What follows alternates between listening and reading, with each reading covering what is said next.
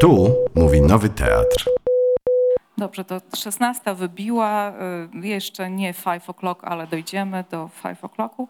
E, Witam serdecznie wszystkich, którzy są dzisiaj z nami w księgarni Nowego Teatru. E, Transmisji dzisiaj niestety nie będzie, ale witam też tych, którzy będą słuchali nagrania tego, tego wydarzenia później w jakichś miłych e, okolicznościach. To już jest ostatnie przedwakacyjne spotkanie z cyklu Przekład przed korektą, organizowane przez Stowarzyszenie Tłumaczy Literatury. Ja się nazywam Dominika Cieśla-Szymańska, jestem redaktorką i tłumaczką, członkinią Stowarzyszenia Tłumaczy Literatury, a będę dzisiaj rozmawiać z Dorotą Konowrocką-Sawą, również członkinią Stowarzyszenia e, Tłumaczy Literatury, znakomitą tłumaczką z języka angielskiego, autorką licznych przekładów z różnych dziedzin. Ostatnio dosyć głośny był jej przekład e, powieści e, rok 84 Orwella. Ale tym razem będziemy mówić o książce dużo, dużo lżejszej, przyjemniejszej, chociaż to wcale nie znaczy, że jako przekład mniej wymagającej, a będzie to Trup w wannie e, brytyjskiej autorki Doroty Sayers. E, I może najpierw może powiedzmy o samej, trochę o samej Doroty Sayers, dlatego że no, przyznam, że dla mnie to jest pierwsze zetknięcie z tym nazwiskiem. Może dlatego, że nie jestem znawczynią kryminałów, ale też mam wrażenie, że ona jest no, zdecydowanie słabiej znana niż, no nie wiem, no, na przykład e, Agatha Christie, więc może, może najpierw zacznijmy od Sayers. Mhm. Dla mnie Dorothy Sayers przede wszystkim, e, po pierwsze jest kimś, e, z kim też wcześniej się nie zetknęłam i e, o kim wcześniej w ogóle nie wiedziałam. Wiem, że no, na zachodzie ustawiana jest gdzieś właśnie obok, obok Agaty Christie, u nas zdecydowanie mniej popularna. Ma niezwykle jakby takie ciekawe życie y, osobiste, czy, czy może miała. I chyba przez pryzmat tego życia głównie jakoś na nią spojrzałam, bo była dla mnie taką postacią pełną sprzeczności. To znaczy z jednej strony była y, tłumaczką y, boskiej komedii Dantego na przykład oraz tłumaczką pieśni o Rolandzie. Była... No to wtrąćmy, że miała znakomite wykształcenie, takie dosyć wyjątkowe. Jak tak, na że była czasy, jedną tak. z pierwszych kobiet, które ukończyły Oxford, no, czyli była bardzo taką wyprzedzającą, może nie wyprzedzającą swoje czasy, ale załapującą łapującą się na swoje czasy. Jednocześnie zyskała popularność jako autorka sztuk teatralnych o tematyce chrześcijańskiej, które do sztuk teatralnych o tematyce chrześcijańskiej, a jednocześnie jako autorka całej serii kryminałów o Lordzie Peterze Wimseyu. Więc jakby tutaj to chrześcijaństwo, tutaj ta pieśń o Rolandzie i tutaj takie bardzo, bardzo lekkie, no bo to jest, to jest lekka taka pociągowa literatura, te kryminały z arystokratą w roli głównej. Jednocześnie mimo tych e, takich chrześcijańskich, e, bardzo mocno obecnych e, w jej twórczości wątków, no, była osobą, która jako młoda kobieta wdała się w jakiś romans. Z tego romansu mm, zaszła w ciążę z mężczyzną, który, z którym w ten romans się wdała. Jak już zaszła w ciążę, okazało się, że mężczyzna był żonaty, o czym jej wcześniej nie powiedział. Spotkała się z jego żoną poszły do niego, żeby dokonać konfrontacji. Tam go zastały z jeszcze inną kobietą. E, no ale w każdym razie obie panie jakoś się dogadały. Na końcówkę ciąży e, Dorothy Sayers, e, znaczy końcówkę ciąży Dorothy Sayers spędziła w domu żony swojego kochanka, urodziła to dziecko i przekazała dziecko na wychowanie jakiejś swojej ciotce, której nazwiska już nie pomnę. No, natomiast ten młody człowiek no, wyrastał w przekonaniu, że nie jest jej synem. Natomiast ona później, jak już uregulowała swoje życie osobiste i wyszła za mąż, to go adoptowała nie mówiąc mu jednocześnie o tym, że jest jej prawdziwym, prawdziwym dzieckiem. E, I e, adoptowała go, chyba była już zupełnie niezłą matką, opiekowała się nim i zresztą e, no, bardzo starała się, żeby, żeby on też uzyskał dobre wykształcenie. Bardzo była dumna z tego, że on również studiował później na Oksfordzie. Także była taką no, postacią pełną, pełną sprzeczności, ale przez to chyba wydawała mi się ciekawa i jakaś bardziej ludzka. To jeszcze tylko dodam, że chociaż odżegnywała się, to znaczy y, twierdziła, że nie jest feministką, jest jednak autorką y, esejów o wiele mówiącym tytule Are Women Human? E, I w swoich powieściach przemycała takie mniej lub bardziej dyskretne wątki, jeśli nie feministyczne, to takie emancypacyjne. E, Ale wróćmy, wróćmy właśnie do, do Petera, e, do Lorda Petera Wimseya, E, no bo oczywiście tak się stało, że z całej twórczości Doroty Sayers oczywiście co, co się ostało, co jest najbardziej znane? No właśnie seria jej powieści kryminalnych, łącznie ich powstało 14, ta, o której dzisiaj mówimy, to znaczy Trup w wannie, to jest pierwsza, tak? Dobrze mówię, to tak, jest pierwszy oryginalny tytuł to jest Who's Body i to była pierwsza. z 1923 roku, potem powstało właśnie jeszcze łącznie 14 powieści i zbiorów e, opowiadań. E, Przy czym Lord Peter jakby starzał się razem wraz z kolejnymi opowieściami, czyli w pierwszej opowieści Lord Peter ma 33 lata. Tak, bo jest bardzo konkretnie powiedziane, w którym roku się urodził, także możemy tak, możemy śledzić, e, możemy śledzić e, jakby jego życie. No i cóż, Lord Peter mm, jako bohater to jest taki archetyp detektywa dżentelmena. E, Jest nieskazitelnie ubrany, ma wyrafinowany gust, jest oczywiście absolwentem Oxfordu. E, No, Oraz takie- Eton. oraz Iton. Zna kilka języków obcych, na pewno francuski i niemiecki, bo pani- pamiętasz, że był szpiegiem, więc musiał bezbłędnie znać niemiecki. E, No, w wolnych chwilach ma takie proste hobby, jak granie na fortepianie z sonat Bacha i tam co jeszcze. A, kolekcjonuje... bibliofilem. Jest bibliofilem, kolekcjonuje starodruki, więc jest generalnie kompletnie nieznośny. Ale może najlepiej, że, a, znaczy nie, no ma pewne wady.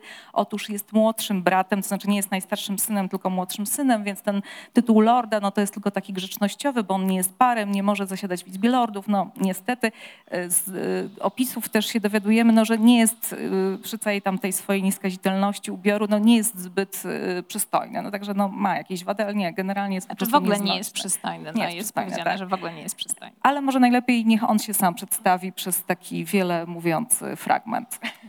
Tak, więc to będzie taki y, fragment z początku książki, bo dopiero później, jak już wydrukowałyśmy sobie to, co ewentualnie chciałybyśmy przeczytać, to przyszło nam do głowy, że może nie należy wszystkiego zdradzać, więc pewnie nie wszystko przeczytamy. Ale y, no to jest taki początek, kiedy Lord Peter właśnie w rozmowie ze swoją matką, która, y, księżna Denver jest przeuroczą starszą panią, która nie nie przyznaje, że jej e, syn ma takie hobby nieeleganckie, że się zajmuje e, różnymi dochodzeniami śledczymi, natomiast chętnie mu podrzuca różne nowe wątki. No i zadzwoniła do niego właśnie po to, żeby mu powiedzieć, że został znaleziony taki trup. No i Lord Peter odkłada słuchawkę. Banter, zawołał Lord Peter, odkładając słuchawkę. Tak, milordzie. Jej książęca mość przekazała mi właśnie, że szacowny architekt z Battersea znalazł w swej wannie zwłoki. Doprawdy, milordzie, zaiste obiecujące. Jak zwykle doskonale dobierasz słowa, Banter. Żałuję, że ani Witton, ani w Oksfordzie nie nauczono mnie nawet tego. Znalazłeś katalog? Oto on, milordzie. Znakomicie. Natychmiast jadę do Battersea. Weźmiesz udział w aukcji w moim imieniu. Pospiesz się. Nie chciałbym stracić boskiej komedii Dantego. I koniecznie postaraj się kupić Czterech Synów Aimona, wydanie Williama Caxtona, Biały Kruk z 1489 roku. Spójrz, zaznaczyłem wszystko, co mnie interesuje, a obok wpisałem maksymalną cenę, jaką gotów jestem zapłacić. Nie zawiedź mnie, proszę. Powinienem wrócić na kolację. Doskonale, milordzie. Weź moją taksówkę i każ kierowcy się pospieszyć. Może dla ciebie się postara. Mnie najwyraźniej zdążył już znielubić. Lord Peter przyjrzał się swemu odbiciu w XVIII-wiecznym lustrze wiszącym nad kominkiem i powiedział sam do siebie, jestem dość bezduszny, by strwożyć już i tak strwożonego pana Tipsa, doprawdy język można sobie połamać, zjawiając się w cylindrze i surducie? Hm, raczej nie. Stawiam 10 do jednego, że widząc mój surdut weźmie mnie za przedsiębiorcę pogrzebowego. Zatem szary garnitur, elegancki, lecz stonowany. Do tego kapelusz pod kolor, tak, to znacznie lepiej pasuje do mojego drugiego wcielenia. Bibliofil kryje się za kulisami, fagot solo wprowadza nowy temat muzyczny i oto na scenę wchodzi Sherlock Holmes przebrany za spacerującego dżentelmena. A oto Banter, bezcenny towarzysz, który nigdy nie mówi, że ma swoją robotę, gdy powierzam mu kolejną misję. Mam nadzieję, że uda mu się wylicytować czterech synów Aimona. Owszem, istnieje drugi egzemplarz w Watykanie. Może kiedyś trafi na rynek, nigdy nic nie wiadomo, gdy na przykład Kościół rzymskokatolicki splajtuje albo Szwajcaria najedzie Włochy. Tymczasem zwłoki o nieustalonej tożsamości trafiają się w londyńskich łazienkach najwyżej raz w życiu i nie należy oczekiwać ich tam częściej. A gdyby nawet, to liczbę takich przypadków, do tego z binoklami, dałoby się policzyć na palcach jednej ręki. Ach, jaki to fatalny błąd, dawać upust dwóm pasjom jednocześnie. Niespiesznie przeszedł korytarzem do sypialni, po czym przebrał się w tempie jak na dandysa zgoła niezwykłym. Wybrał ciemnozielony krawat pod kolor skarpet, zawiązał go perfekcyjnie, bez najlżejszego zaciśnięcia warg, zmienił brązowe pantofle na czarne, wsunął monokl do kieszonki na piersiach i ujął śliczną laskę z, latera, z ratanu, zakończoną masywną srebrną gałką. To wszystko, jak sądzę, mruknął. Chwileczkę. To też może się przydać. Nigdy nie wiadomo. Uzupełnił swój ekwipunek o płaskie srebrne pudełeczko na zapałki, zerknął na zegarek, a przekonawszy się, że jest już za kwadrans trzecia, energicznie zbiegł po schodach, po czym złapał taksówkę i kazał się wieść do Battersea Park. Alfred Tips był drobnym, nerwowym mężczyzną, którego płowe włosy powoli przegrywały nierówną walkę z czasem. Można by rzec, że jego jedynym znakiem szczególnym był wielki siniec nad lewą brwią, który nadawał mu rys pewnej awanturniczości, dziwnie kontrastujący z resztą postaci. Przywitał lorda Petera i od razu zaczął się niezgrabnie tłumaczyć, mamrocząc coś o nocnej kolizji z drzwiami do jadalni. Pojawienie się takiego gościa w jego skromnych progach wzruszyło go niemal do łez. To niezwykle uprzejme ze strony waszej lordowskiej mości. Powtarzał raz po raz, mrugając szybko bladymi powiekami.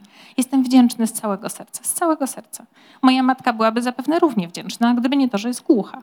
Nie śpiałbym kłopotać waszej lordowskiej mości koniecznością wyjaśniania jej tej sytuacji. To był wyczerpujący dzień. Policja w domu, całe to zamieszanie, proszę mi wierzyć, nie przywykliśmy z matką do takich ekscesów, żyjemy bardzo spokojnie. Dla człowieka nawykłego do uregulowanego trybu życia to doprawdy rozstrajające nerwowo i wdzięczny jestem losowi, że matka nic z tego nie rozumie, bo gdyby rozumiała, rozchorowałaby się ze zmartwienia. Z początku wyraźnie się niepokoiła, ale jakoś to sobie musiała przetłumaczyć i bez wątpienia tak jest dla niej najlepiej. W odpowiedzi na spojrzenie syna, starsza pani, która dziergała akurat przy kominku, ponuro skinęła głową. Kółko ci powtarzam, Alfredzie, że należało się poskarżyć na tę wannę, powiedziała nagle wysokim, piskliwym głosem charakterystycznym dla głuchych. Teraz jest przynajmniej nadzieja, że właściciel mieszkania się tym zajmie. Choć jakby mnie kto pytał, nie trzeba było wzywać policji. Ale cóż, zawsze robiłeś z igły widły. Nawet z takiej błahostki jak wieczna ospa.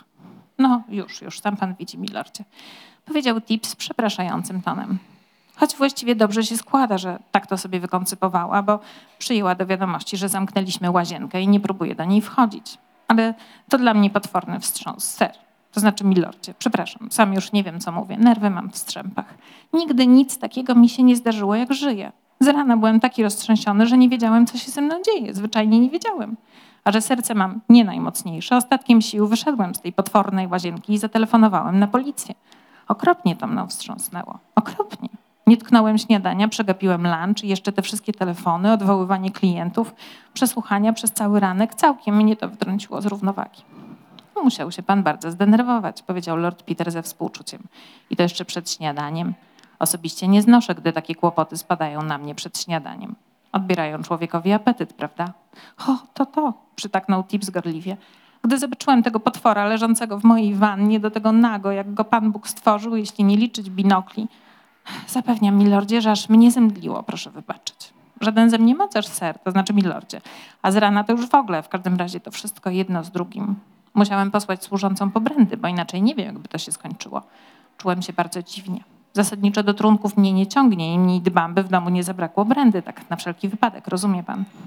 Bardzo roztropnie, odrzekł pogodnie Lord Peter. Wykazuje pan, panie Tips, godną podziwu zapobiegliwość. Nie do wiary, ile potrafi zdziałać łyczek w potrzebie. A im mniej człowiek nawykły, tym jego działanie jest bawienniejsze. Mam nadzieję, że pana służąca jest rozsądną kobietą, co? Utrapienie z takimi, co wrzeszczą i mdleją. O, Gladys jest poczciwą dziewczyną, odparł Tips. Bardzo rozsądną, proszę mi wierzyć. Była oczywiście wstrząśnięta, co zrozumiałe, sam byłem wstrząśnięty. I byłoby wręcz niewłaściwe, gdyby młoda kobieta w tych okolicznościach zachowała spokój, ale w potrzebie Gladys jest naprawdę nieoceniona. Uważam się za szczęściarza, mając w tych trudnych chwilach do pomocy dobrą, porządną dziewczynę. Bywa niefrasobliwa i zapominalska, ale to przecież normalne. Bardzo się przejęła, bo to ona zostawiła otwarte okno do łazienki. Z początku się rozeźliłem, widząc, co z tego wyszło, ale właściwie nie było o czym mówić. Znaczy, w złych okolicznościach nie byłoby o czym mówić, tak bym powiedział. Służące bywają zapominalskie, wiadomo, milordzie. A Gladys była już tak roztrzęsiona, że nie chciałem jej niepotrzebnie besztać. Powiedziałem tylko, to mogli być włamywacze. Przypomnij to sobie, gdy następnym razem będziesz chciała zostawić otwa okno otwarte na noc. Tak jej powiedziałem. Tym razem skończyło się na trupie, choć i to jest wystarczająco nieprzyjemne. Następnym razem to będzie włamywacz i nas, wszystkich w łóżkach wymorduje. No, tak jej powiedziałem. Ale ten policjant, inspektor Sack, to się nie patyczkował. Przeraził biedaczkę tak strasznie, że myślała, że o co się podejrzewa, choć na co bieduli zwłoki. Doprawdy trudno sobie wyobrazić, co zresztą mu powiedziałem. Nie uprzejmie się ze mną oprzedł, milordzie. Powiem tylko tyle, że jego maniery pozostawiają wiele do życzenia. Jeśli chce pan, panie inspektorze, oskarżyć Gladys albo mnie o coś konkretnego, to proszę nam natychmiast przedstawić zarzuty. Tak mu powiedziałem. Nigdy bym nie pomyślał, że płacą panu za obrażanie uczciwych ludzi w ich własnych domach. Przygadałem mu, a co? Tipsowi aż poróżowiał czubek głowy. Dosłownie rozsierdził mnie. Rozsierdził, milordzie, a z zasady się nie unoszę. Cały sak. Westnął Peter. Znam go. Gdy nie wie, co powiedzieć, robi się nieuprzejmy. To oczywiste, że ani pan, ani pana służąca nie kolekcjonujecie zwłok. Któż miałby ochotę obarczać się jakimś trupem? Pozbycie się go nastręcza zwykle wielkich trudności. A swoją drogą, e, czy tego już się pan pozbył? Wciąż jest w łazience, odparł Tips. Inspektor Sack kazał niczego nie dotykać, dopóki go nie wyniosą. Powinni zjawić się lada chwila. Gdyby wasza lordowska mość chciał rzucić okiem, dzięki serdeczne, z ogromną chęcią, o ile to niezbytek fatygi. Ależ nie, zapewnił Tips. Po czym ruszył przodem, prowadząc gościa długim korytarzem. Jego zachowanie nasunęło lordowi Peterowi dwa wnioski. Po pierwsze, choć eksponat Tipsa był makabryczny, jego tymczasowy właściciel pławił się w poczuciu istotności, jakiej trup przydawał jemu i jego mieszkaniu. Po drugie, inspektor Sack na pewno zabronił pokazywać komukolwiek zwłoki. To przypuszczenie potwierdził sam Tips, który poszedł do swojej sypialni po klucz, mówiąc, że z zasady, tak na wszelki wypadek, ma po dwa klucze do każdych drzwi. Łazienka była pod każdym względem przeciętna. Długa i wąska, przy czym okno znajdowało się dokładnie nad szczytem wanny. We framugę, przez którą zdołałby przecisnąć się człowiek, wstawiono szyby zmrożonego szkła. Lord Peter podszedł niespiesznie do okna, podciągnął skrzydło do góry i wyjrzał na zewnątrz. Mieszkanie znajdowało się na najwyższym piętrze budynku, mniej więcej w jego połowie. Łazienka wychodziła na podwórze, zajęte przez rozmaite budyneczki, sypy na węgiel, warsztaty i tym podobne, sąsiadujące z ogródkami równoległego szeregu domów. Po prawej wznosił się imponujący gmach szpitala świętego Łukasza, połączony krytym przejściem z rezydencją słynnego chirurga Sir Juliana Frick, który zarządzał oddziałem chirurgii tego nowoczesnego szpitala, a w środowisku medycznym skupionym na Harley Street znany był jako wybitny neurolog o niezwykle oryginalnych poglądach. Te obszerne wyjaśnienia wsączył do ucha lorda Petera Tips, który pewnie myślał, że sąsiedztwo takiej znakomitości jak Sir Julian Frick przydaje blasku całej kamienicy. Dziś rano Sir Julian odwiedził nas osobiście w związku z tą potworną sprawą. Inspektor Sack podejrzewał, że któryś z szacownych młodych medyków praktykujących w szpitalu przyniósł zwłoki dla żartu, można powiedzieć, bo przecież w prosektorium zwłok nie brakuje. Więc wybrał się do Sir Juliana rankiem, by zapytać, czy nie zaginęło im jakieś ciało. Był bardzo uprzejmy, znaczy Sir Julian, naprawdę bardzo uprzejmy, choć zestali go akurat przy stole w prosektorium. Sprawdził w księgach, czy stan ciał mu się zgadza, a potem bardzo grzecznie wstąpił do nas, by się temu wszystkiemu przyjrzeć. Tu Tips wskazał na wannę. Żałował, że nie może nam pomóc, ale niestety ze szpitala żadne zwłoki nie zginęły, a te tutaj nie odpowiadają opisowi żadnego nieboszczyka, którego mają na składzie. Ani opisowi żadnego pacjenta, mam nadzieję, wtrącił Lord Peter od niechcenia. Na tak makabryczną sugestię Tips pozieleniał. Nie wiem, czy inspektor Sack o to pytał, odparł poruszony. Ależ to by było potworne. Wielkie nieba, milordzie, do głowy mi nie przyszło. No cóż, gdyby zginął im pacjent, zapewne zdążyliby to odkryć, uspokoił go Lord Peter. Przyjrzyjmy się temu tutaj. Osadził sobie monokl wokół. Widzę, że ma pan kłopot z wpadającą do środka sadzą. Piekielne utrapienie, co? Mnie też doskwiera. Strasznie brudzi książki. A teraz proszę się nie krępować, jeśli nie ma pan ochoty na bliższe oględziny. Z drżącej dłoni Tipsa wyjął róg prześcieradła, którym zakryto wannę i odrzucił je na bok. Spoczywające w wannie ciało należało do wysokiego, korpulentnego mężczyzny lat około 50. Gęste, czarne, naturalnie kręcone włosy, które fachowo obcięto i uczesano z przedziałkiem, wydzielały mdłą woń fiołkowych perfum, doskonale wyczuwalną w ciasnym pomieszczeniu. Rysy mężczyzny były grube i wyraziste, oczy duże i ciemne, nos długi i zakrzywiony, szczęka mocna i gładko ogolona, usta pełne i zmysłowe. Opatnięta żuchwa ukazywała zęby pociemniałe od tytoniu. Tkwiące na nosie nieboszczyka zgrabne złote binokle zdawały się pokpiwać ze śmierci swą groteskową elegancją. Na nagiej piersi wił się cienki złoty łańcuszek. Nogi były sztywno wyprostowane, jedna przy drugiej, ręce ułożone wzdłuż ciała, palce naturalnie przygięte. Lord Peter uniósł rękę zmarłego i z lekko zmarszczonym czołem przyjrzał się jego dłoni. Elegancik z pańskiego gościa, co? mruknął fiołki parmeńskiej manikur. Pochylił się i wsunął dłoń pod głowę trupa. Absurdalne okulary ześlizgnęły się i wpadły do wanny, a ich przenikliwy brzęk przepełnił czarę zdenerwowania Tipsa. Proszę wybaczyć, wymamrotał gospodarz, ale trochę mi słabo. Wymknął się z łazienki na korytarz i wtedy Lord Peter, unosząc ciało szybko i ostrożnie, przewrócił je i obejrzał uważnie z głową przekrzywioną na bok, operując monoklem w taki sposób, w jaki nieżyjący już Joseph Chamberlain mógłby oceniać rzadki okaz orchidei. Oparł sobie głowę nieboszczyka na ramieniu, wyjął z kieszeni srebrne pudełko na zapałki i wsunął je w otwarte usta zmarłego. Smoknął z dezaprobatą, potem ujął w dłoń tajemnicze binokle, przyjrzał się im uważnie, nasadził je sobie na nos i spojrzał przez nie na świat. Znów smoknął z dezaprobatą, zdjął okulary i zwrócił je nieboszczykowi, by zatrzeć ślady dokonanych przed chwilą manipulacji i nie irytować niepotrzebnie inspektora Saga. Ułożył ciało w pozycji, w jakiej je zastał, podszedł jeszcze raz do okna i wychyliwszy się, pomachał w górę i na boki laską, którą wziął z sobą całkiem niepotrzebnie. Niewiele chyba wynikło z tych dociekań, bo cofnął głowę, zamknął okno i dołączył do Tipsa czekającego na korytarzu. Ten, wzruszony współczuciem i zainteresowaniem młodszego syna księcia Denver, po przejściu do salonu odważył się zaproponować mu filiżankę herbaty. Lord Peter, który wolnym krokiem podszedł do okna i podziwiał właśnie panoramę Battersea Park, już miał przyjąć zaproszenie, gdy na końcu Prince of Wales Road pojawiła się karetka. Na jej widok Lord Peter przypomniał sobie o umówionym spotkaniu i z okrzykiem Wielkie Nieba pospiesznie ruszył do wyjścia. Matka najserdeczniej pana pozdrawia i tak dalej, rzekł energicznie ściskając dłoń Tipsa. Ma nadzieję niedługo znów gościć pana w Denver. Do widzenia, pani Tips. Wrzasnął uprzejmie do ucha starszej pani. Nie, nie, proszę się nie kłopotać. Pamiętam drogę do wyjścia. Czas był najwyższy. Gdy tylko wyszedł na ulicę i skierował się ku stacji kolejowej, z drugiej strony nadjechała karetka, z której wysiadł inspektor Sak z dwoma posterunkowymi. Po krótkiej rozmowie z policjantem pełniącym służbę zwrócił podejrzliwe spojrzenie na oddalające się plecy lorda Petera. Stary, dobry Sak, rzekł arystokrata z uczuciem. Najmilszy druh, ależ on mnie musi nienawidzieć. Pierwsi recenzenci powieści Doroty Sayers e, znaczy zarzucali e, postaci właśnie Lorda Wimsera, że jest zbyt doskonały. No bo rzeczywiście nieskazitelnie uprzejmy, nieskazitelnie ubrany, nigdy nie tracący opanowania, przygotowany na każdą sytuację. Jednym słowem, nudny? Nie, no chyba nie. Co cię, powiedz, co cię w nim ujęło? Bo na pewno, znaczy, to, to oczywiście nie jest prawda. Dorothy Sayers buduje no, całkiem skomplikowaną, taką niejednoznaczną postać, pełną też humoru.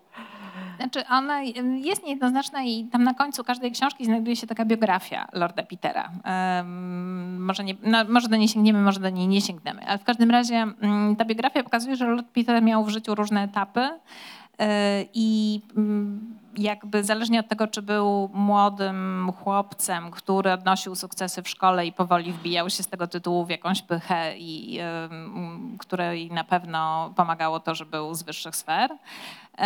Potem jest taki etap, kiedy on wyjeżdża na wojnę i ta pierwsza wojna światowa ona dosyć mocno się zaznacza w tych, no zwłaszcza w tej książce.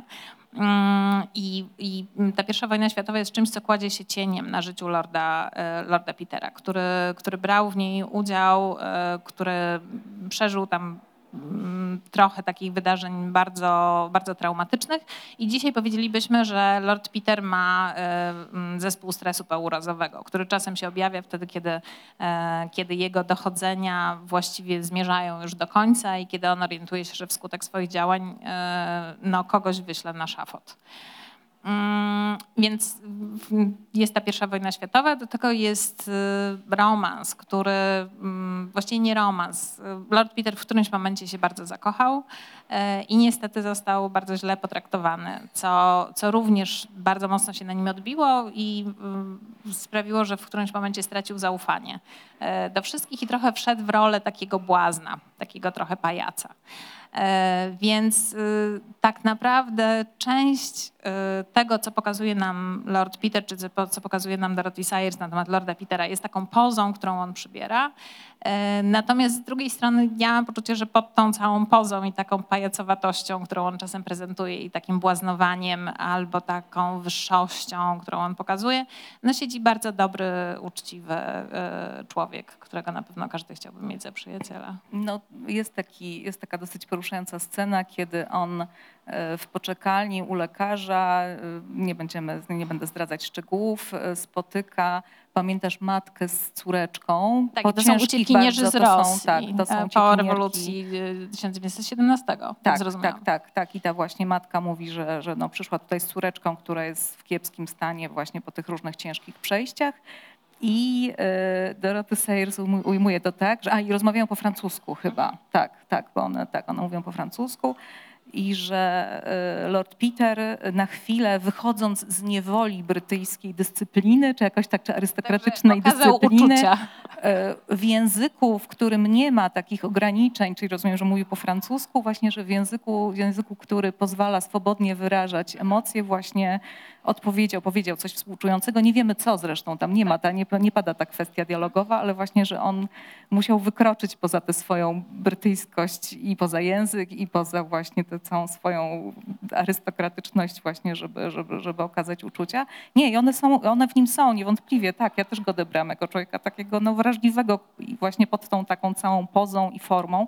Zresztą dla mnie y, no, jest tu takie bardzo wyraźne takie napięcie między właśnie tą całą formą, klasą, tak, tym całym konwenansem, w który on jest ubrany jakby z urodzenia, tak, no urodził się y, jako syn księcia, tak, y, w określonym miejscu, w określonym czasie, nie może z tego wyjść, nie chce z tego wyjść, zresztą jakoś chyba też lubi tę, tę swoją formę i te wszystkie atrybuty, które są z, z tym związane. Nie, on też jest takim dandysem, on się lubi dobrze ubrać, lubi dobrze zjeść. No, jest y, kimś, kto czerpie rozmaite benefity ze swojego urodzenia i robi to zupełnie bez wstydu. I Jeździ znakomitym, tu akurat nie w tej części, ale jeździ znakomitym samochodem y, i, y, i zupełnie nie ma żadnego problemu z korzystania ze wszystkiego, co, y, co, co los mu zesłał. Natomiast z drugiej strony, no, jego przyjacielem jest inspektor Parker, który tutaj się jeszcze nie pojawia, ale za chwilę się pojawi w kolejnym fragmencie, e, no, który jest zupełnie, no, jest po prostu zwykłym policjantem e, z klasy,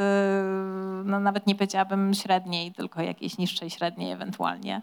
E, Więc przyjaźni się z Parkerem, e, który zresztą później zostanie jego szwagrem, e, ponieważ siostra popełni mezalians, ale który w gruncie rzeczy będzie znakomitym jakby rozwiązaniem sytuacji. No i też jest postać Bantera, czyli jego służącego, który z jednej strony jest służącym, ale z drugiej strony służył razem z nim podczas I wojny światowej, był jego podwładnym, no i jest niezwykle lojalny wobec niego i bardzo taki opiekuńczy, jednocześnie przyjacielski. Czy ja bym powiedziała, że obecność wszystkich tych ludzi wokół niego, którzy są z nimi, z Lordem Peterem związani rozmaitymi więzami y, mm, większej, mniejszej zażyłości, no świadczy o tym, że y, to jest y, ktoś, kto, kogo moglibyśmy nazwać dobrym człowiekiem. No tak, bo nie ma, nie ma w nim takiej arogancji czy wyniosłości, jakiej byśmy się mogli spodziewać. E, Rozmawiałyśmy też wcześniej, że on tę swoją właśnie całą pozycję traktuje z pewną nonszalancją, trochę dlatego, że już może, tak? Bo on już nie jest tą klasą aspirującą do jakichś form, on po prostu te formy ma. On ma tę swoją jest pozycję. nawet powiedziane tak. w którymś momencie właśnie na początku tego y, bio y, Lorda Petera, który jest na samym końcu książki, gdzie jest taka y, skrócona biografia jego cała, gdzie jego wuj mówi, korzenie rodu Imzejów sięgają bardzo głęboko, zbyt głęboko, jakby mnie kto o to pytał. I y, on jest, korzenie jego rodu sięgają jakiegoś XIII wieku, czy coś w tym rodzaju. No, że bardzo trudno jest być bardziej arystokratycznym już niż on. Tak, ale wiele o nim mówi też jeszcze a propos właśnie tych, te, tego starożytnego rodu, ich dewiza rodowa. E, s- Tak, dewiza, ro- tak, tak, Tak. znaj, e, poczekaj. Ja też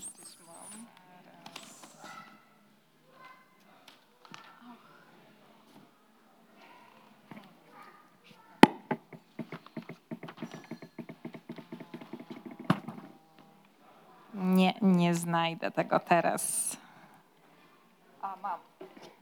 As my whimsy takes me, gdzie powiedzie mnie kaprys. Tak. Tak. Ponieważ Whimsy generalnie też jest nazwiskiem znaczącym. Znaczy y, właśnie oznacza kogoś takiego kapryśnego i takiego, jednocześnie y, to są też takie formy no, związane z takimi formami, y, także to jest właśnie on.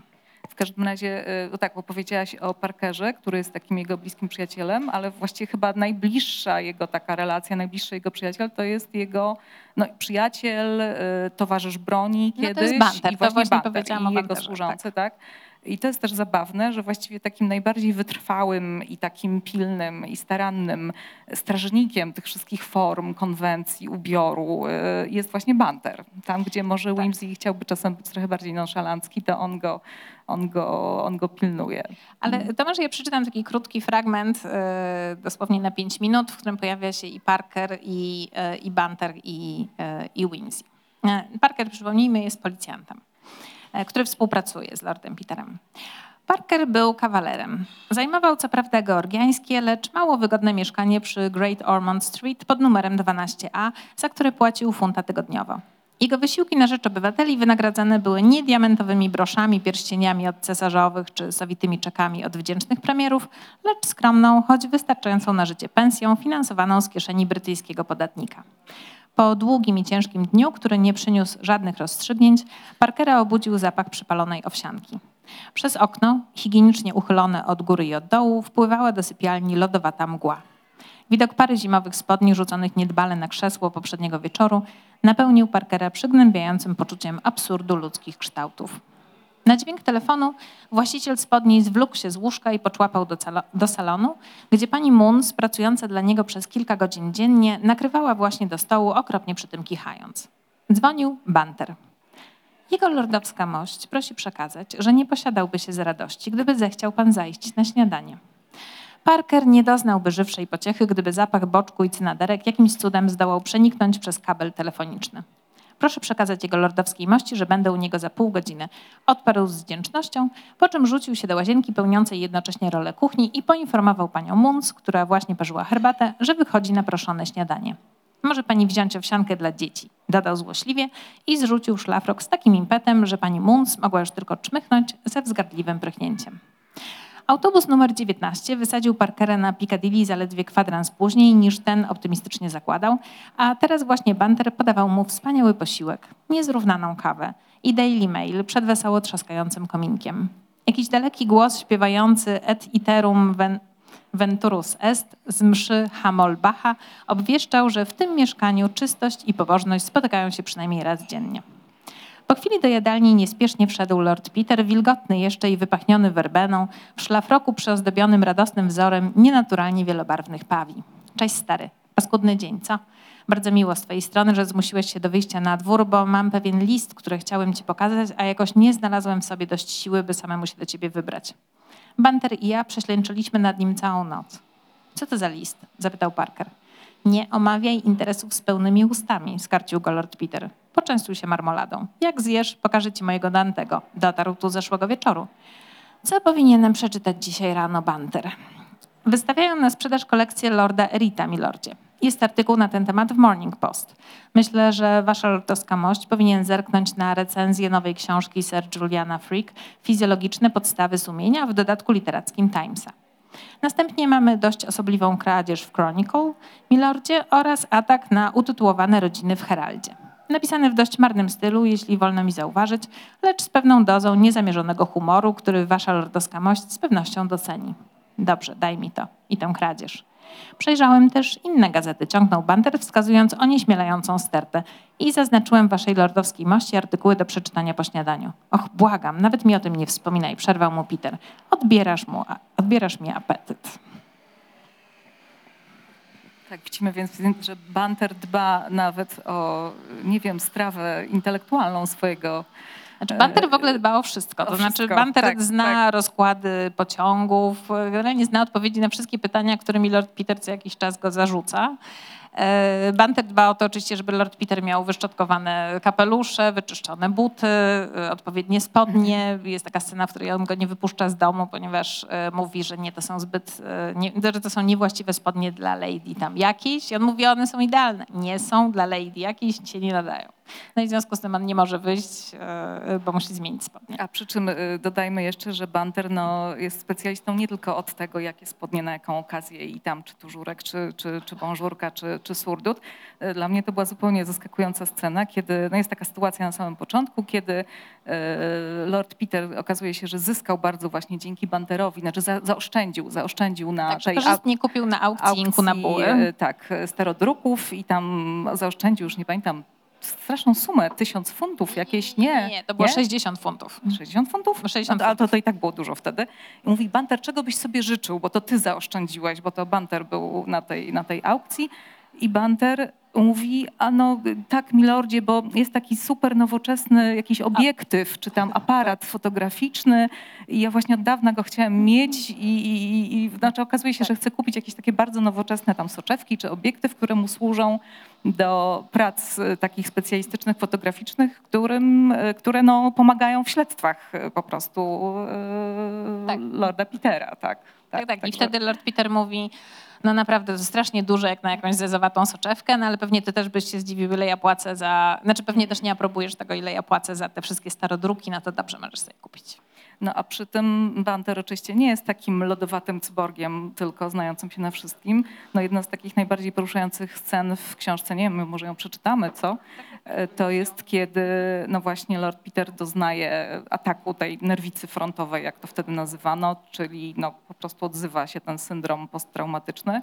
No i wtedy Banter ma okazję jakby przejawić całą, nie wiem, swoją troskliwość i Ludzkie, ludzkie tak, cechy. życzliwość, tak. Bantera śpiącego snem wiernego i sprawiedliwego sługi poderwał bladym świtem ochrypły szept. Banter... Tak, milordzie? Banter usiadł i zapalił lampę na nocnym stoliku. Zgaś światło do cholery, powiedział głos. Posłuchaj, tam, słyszysz? Nic nie słychać, milordzie, odrzekł Banter, pospiesznie wstając z łóżka i chwytając lorda Petera pod ramię. Już dobrze, proszę szybciutko iść do łóżka, a ja panu przyniosę kropelkę bromu. Pan się cały trzęsie. Zanadto się pan zasiedział. Cii, nie, nie, to woda, powiedział lord Peter szczękając zębami. Tam na dole. Sięga im już biedakom do pasa. Ale słuchaj, nie słyszysz? Kap, kap, kap. Podkładają pod nas miny. Tylko nie wiem gdzie. Nie słyszę. Słuchaj, znów ten dźwięk. Musimy go odnaleźć. Musimy, musimy to przerwać. Na Boga, nie słyszę. Nic nie słyszę przez ten terkot karabinów. Nie mogą przestać strzelać? Boże, westnął Banter sam do siebie. Nie, nie, wszystko w porządku, panie majorze. Proszę się nie martwić. Ale ja to słyszę, zaprotestował Lord Peter. Ja też, z przekonaniem odrzekł Banter. Ma pan doskonały słuch, milordzie. To pracują nasi saperzy w rowach łącznikowych. Proszę się tym nie przejmować. Lord Peter chwycił go rozpaloną dłonią za nadgarstek. Nasi saperzy. Jesteś tego pewien? Absolutnie, odparł Banter pogodnie. Wieża się przez to zawali. I dobrze, właśnie o to chodzi. A pan teraz pójdzie i trochę się zdrzemnie. Oni przyjdą przejąć ten sektor. Jesteś pewien, że mogę go bezpiecznie opuścić? Bez dwóch zdań, milordzie, powiedział Banter, po czym wziął swojego pana pod ramię i odprowadził do sypialni. Lord Peter bez protestów połknął leki i pozwolił się zapakować do łóżka. Rozczochrany Banter, który w pasiastej piżamie zupełnie nie przypominał zwykłego siebie, usiadł i zapatrzył się ponuro na ostre kości policzkowe młodego mężczyzny i jego fioletowo podkrążone oczy. Myślałem, że te ataki już za nami, mruknął. Przepracował się. Śpi? Zerknął nies- niespokojnie na lorda Petera, a w jego głosie pojawiła się czuła nuta.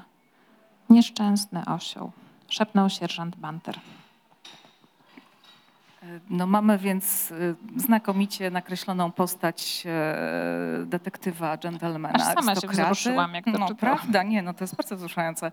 E, Który oczywiście ma swojego właśnie wiernego, bo musi mieć swojego pomocnika, asystenta e, Bantera. Mamy też całą galerię bardzo też bardzo fajnie wymyślonych e, postaci drugoplanowych, e, zwłaszcza e, matka, matka Lorda Tak, Petera jest, jest, księżna, postacią. jest księżna wdowa, która za chwilę tutaj zostanie opisana we fragmencie i księżna wdowa, która właśnie nie dopuszcza teoretycznie do świadomości, że jej syn zajmuje się takimi jakimiś niskimi zajęciami jak śledztwa kryminalne, no ale z drugiej strony chętnie mu podrzuca i właściwie w którymś momencie, być może w tej albo w którejś z kolejnych książek ym, pada taka sugestia, że gdyby księżna wdowa może była trochę młodsza, a może gdyby była była mężczyzną, to, y, to właściwie sama chętnie by się zaangażowała w takie śledztwo. Jak taka profesorowa Szczupaczyńska, to tak. W każdym razie y, no, chciałam powiedzieć, że Dorothy Sayers no, nie tylko potrafi bardzo dobrze tworzyć postacie, tworzy też bardzo odpowiednio zawikłaną i intrygę, ale też y, no, ten gatunek, ta powieść kryminalna jest dla niej okazją do s- stworzenia takiego szerszego obrazu y, społeczeństwa y, brytyjskiego w- ówczesnego. Tak, bo poniekąd jest to również satyra społeczna. Tak. Znaczy cały ten kryminał jest po prostu satyrą społeczną. I może właśnie wróćmy do księżnej i do jednego z, takiego istotnych, z takich istotnych wątków tej satyry, to znaczy chodzi mi o antysemityzm. Tak, poje- dlatego że ym, tak naprawdę mamy zwłoki, których y, nikt nie jest w stanie zidentyfikować, czyli nie wiadomo kim są, e, te znalezione w wannie, oraz mamy zaginionego. To znaczy Sir Rubena Lewiego, który jest y, żydowskim finansistą i który zaginął i nie wiadomo gdzie go szukać. I to są takie dwie sprawy, które się nakładają na siebie. Jakby jedno do drugiego nie pasuje, bo wiadomo, że zwłoki nie, nie są zwłokami Sir Rubena. Natomiast Sir Ruben gdzieś zaginął i, i go szukają. I mm, panowie, którzy prowadzą tą sprawę, czyli Lord Peter i Parker, mają mm, takie przeczucie, że to się jakoś jedno z drugim, e, jedno z drugim wiąże. No i teraz em, mamy sytuację, w której Lord Peter przyjechał nieoczekiwanie do swojej matki, e, która mieszka e, poza Londynem i mm, nieoczekiwanie właściwie w środku nocy e, i przyjechał ze starszą panią Tips, ponieważ pan Tips został aresztowany, starsza pani Tips została bez opieki, e, no więc on ją przywiózł do swojej matki, mm, no i teraz rozmawia z księżną wdową. Bardzo miło ci widzieć, kochanie, powiedziała księżna wdowa łagodnie. Była niedużą, pulchną kobietą o białych jak śnieg włosach i delikatnych dłoniach. Z wyglądu równie niepodobna do swojego młodszego syna, jak przypominająca go charakterem. Była oszczędna w ruchach i zdecydowana w obejściu, lecz w jej ciemnych oczach co chwila zapalały się wesołe iskry. Ubrana w czarującą narzutkę z domu handlowego Liberties, przyglądała się spokojnie, jak Lord Peter je ser i wołowinę na zimno, jakby jego pojawienie się w tak osobliwych okolicznościach i towarzystwie stanowiło całkiem zwyczajne wydarzenie, bo w istocie tak właśnie było, jako że był to przecież Lord Peter. Kazałaś położyć starszą panią do łóżka? Zapytał. Ależ tak, kochanie, niezwykła osoba, prawda? Bardzo odważna. Mówiła mi, że nigdy wcześniej nie jechała samochodem. Uważa cię jednak za przemiłego mężczyznę. Przypominasz jej syna. Biedny pan Tips. Jakim sposobem ten twój inspektor doszedł do wniosku, że ten poczciwiec mógł kogoś zamordować? Ten mój inspektor, zlituj się, mamo. Ten mój inspektor zdecydowany jest dowieść, że nieproszony nieboszczyk w wannie Tipsa to Sir Ruben Levy, który zeszłej nocy zniknął tajemniczo z własnego domu. Oto jego tok rozumowania. Zgubiliśmy nieubranego dżentelmena w średnim wieku na Park Lane i znaleźliśmy nieubranego dżentelmena w średnim wieku w Battersea. Zatem jest to jedna i ta sama osoba, co było do udowodnienia, dlatego nasz poczciwy Tips ląduje w kiciu. Sformułowałeś to bardzo eliptycznie, kochanie, powiedziała księżna łagodnie. Czemu pan Tips miałby zostać aresztowany, nawet jeśli to ten sam człowiek? Sak musi kogoś aresztować. Wiem jednak o pewnym drobnym, niepasującym do niczego szczególe, który niby potwierdza teorię Saga, lecz ja gołym okiem widzę, że niczego nie dowodzi. Zeszłego wieczoru, jakiś kwadrans po dziewiątej, pewna młoda dama z sobie tylko znanych powodów spacerowała po Battersea Park Road i nagle zauważyła dżentelmena w płaszczu i cylindrze, idącego pod parasolem i przyglądającego się bacznie nazwom ulic. Wyglądało, że się zgubił, a ponieważ dziewczyna nie była z tych nieśmiałych, rozumiesz, podeszła do niego ze słowami dobry wieczór. Przepraszam, czy ta ulica prowadzi do Prince of Wales Road? Zapytał tajemniczy nieznajomy. Potwierdziła, potem zapytała figlarnie, co tu robi i tak dalej. Akurat tej części rozmowy nie zacytowała zbyt dokładnie, bo otwierała serce przed sagiem, a sama rozumie, że ten wdzięczny kraj płaci mu za hołdowanie bardzo wyśrubowanym ideałom. W każdym razie nieznajomy odparł, że nie może się nią zająć, bo ma akurat spotkanie. Muszę się spotkać z pewnym mężczyzną, moja droga. Tak wedle jej relacji to ujął, po czym ruszył Alexandra Avenue w kierunku Prince of Wales Road. Patrzyła za nim przez chwilę, dość zaskoczona, gdy podeszła do niej koleżanka i powiedziała: Nie trać czasu, to Lewi. Widywałam go, gdy jeszcze mieszkałam na West Endzie. Dziewczyny nazywały go nieprzekupnym Jakobinem. Nazwisko przyjaciółki zostało utajnione ze względu na następstwa tej historii, ale dziewczyna ręczy, że tak to brzmiało słowo w słowo. Nie zastanawiała się nad tym, póki mleczarz nie przyniósł rankiem wiadomości o awanturze w Queen Caroline Mansions. Wtedy poszła na policję, choć z zasady za nią nie przepada i zapytała posterunkowego, czy martwy dżentelmen miał brodę i okulary. Usłyszała, że okulary owszem, ale brody nie, na co nierozważnie odparła, a więc to nie on, a posterunkowy na to nie kto i ją capnął. Tak brzmiała jej relacja.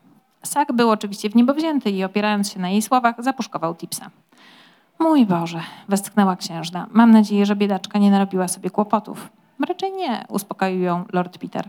Za to Tips wplątał się w kabałę, bo zrobił coś wyjątkowo głupiego. Wyciągnąłem to z Saga, choć pilnie strzegł tej informacji. Wygląda na to, że Tipsowi pomyliły się pociągi. Najpierw twierdził, że przyjechał z Manchesteru o wpół do 11, ale przyciśnięta przez policję Gladys Horrocks zeznała, że wrócił do domu nie wcześniej niż kwadrans przed północą. Poproszony o wyjaśnienie rozbieżności, Tips zaczął się jąkać i całkiem pokpił sprawę. Najpierw przysięgał, że uciekł mu pociąg, Sack zaczął rozpytywać na dworcu St. Pancras i odkrył, że o 10 Tips zostawił torbę w przechowalni. Tips poproszono o wyjaśnienia, jeszcze bardziej zaczął się jąkać i wreszcie wyjąkał, że przez kilka godzin spacerował, spotkał znajomego, ale nie zdradzi nazwiska, jednak nie spotkał znajomego, nie może powiedzieć, gdzie był, nie może wyjaśnić, czemu nie wrócił po torbę, nie może zdradzić, o której faktycznie wrócił i nie może wytłumaczyć, skąd ma siniaka na czole. Właściwie niczego nie może wytłumaczyć. No więc znów przesłuchali Gladys Horrocks. Tym razem powiedziała, że Tips wrócił do domu o wpół do jedenastej. Potem przyznała, że nie słyszała jak wchodził, ale nie może powiedzieć czemu nie słyszała.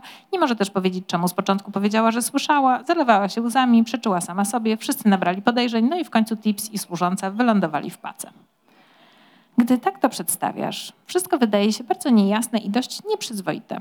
Tymczasem poczciwego pana Tipsa samo napomknienie o czymś nieprzyzwoitym wytrąciłoby z równowagi.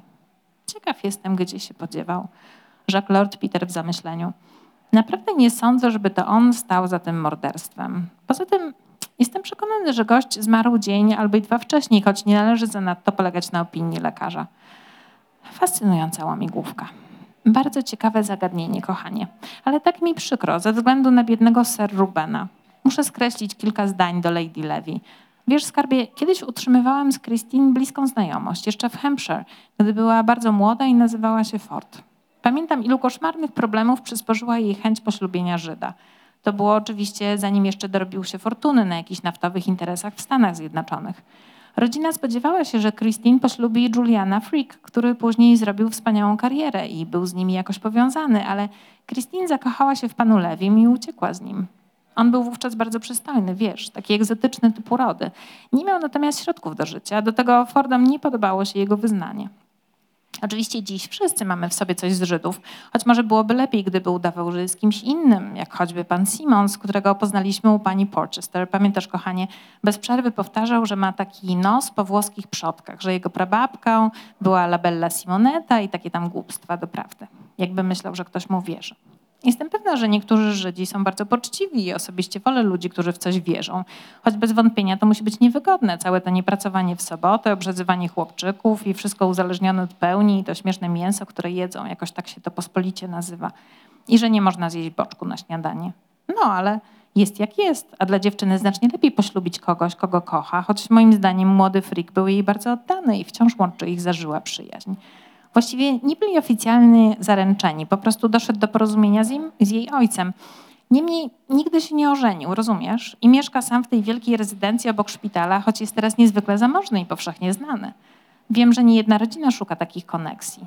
Lady Main Waring chciała za niego wydać swoją najstarszą córkę, pamiętam. Powiedziałam wtedy, że trudno oczekiwać od chirurga, że oczaruje go sylwetka powypychana w wiadomych miejscach. Sam wiesz, kochanie, oni mają tyle sposobności, żeby wyrobić sobie oko. Najwyraźniej Lady Levy ma dar zdobywania wiernych adoratorów, powiedział Lord Peter. Wspomnijmy nieprzekupnego Jakobina Lewiego. Absolutnie masz rację, skarbie. Christine była czarującą dziewczyną, a podobno jej córka jest do niej bardzo podobna. Straciłam ich z oczu, kiedy wyszła za mąż. Twój ojciec nie utrzymywał raczej stosunków z ludźmi interesu. Ale wiem, że, że byli powszechnie uważani za wzorową parę. Ukuto nawet powiedzonko, że Sir Ruben jest równie mocno kochany przez swoich, jak znienawidzony przez obcych. Rozumiesz, skarbie? To taka metafora, typowa dla przysłów i powiedzonek. Coś jak święty dla świata, diabeł dla domowników, tylko że w drugą stronę. Bardziej w duchu wędrówki pielgrzyma. Owszem, wygląda na to, że stary miał kilku wrogów. Kilkudziesięciu, skarbie. City to potworne miejsce. Sami Izmaelici, choć Sir Ruben pewnie nie chciałby tak być nazywany. Wiesz co, przeczytaj dalej, bo ja coś... E, tutaj, kilkudziesięciu skarb.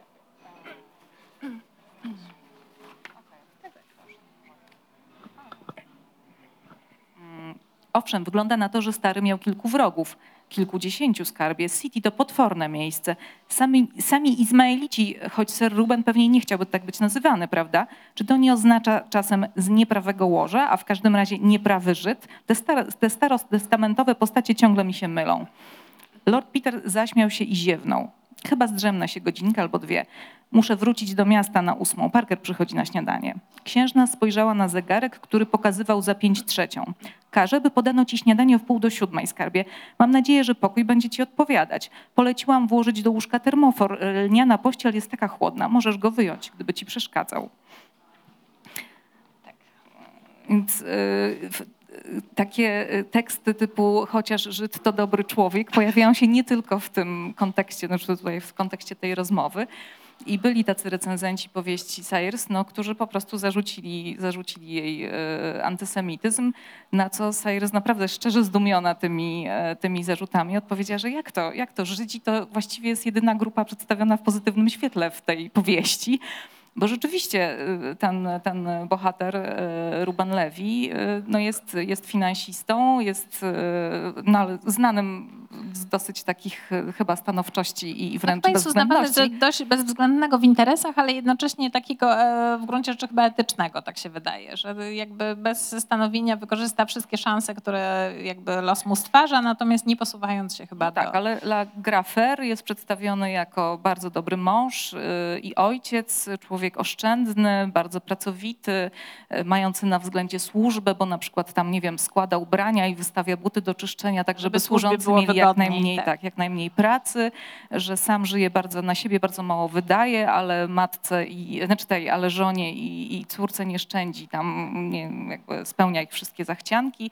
No jest generalnie przedstawiony właśnie jako, jako, jako pozytywna postać, jak najbardziej. No tak, że jest to ogromna strata dla jego rodziny, że, że on gdzieś się zawieruszył E, Zbliżamy się powoli do końca naszego spotkania i tak może na koniec chciałam cię zapytać, e, bo skoro tłumaczysz już trzeci tom, bo wiem skądinąd, że pracujesz już nad trzecim tomem e, przygód Lorda Petera, no to ch- chyba nieźle się bawisz. Chyba nie jest to jakoś... e, Nie, jakoś... bawię się bardzo dobrze, bo w jakiś taki naturalny sposób mi to zupełnie przychodzi. E, Też nie starałam się wejść w jakąś manierę kogoś, kto pisał 100 lat temu, bo to jednak jest książka no, napisana w 1923 roku, no, czyli to już jest 100 lat temu.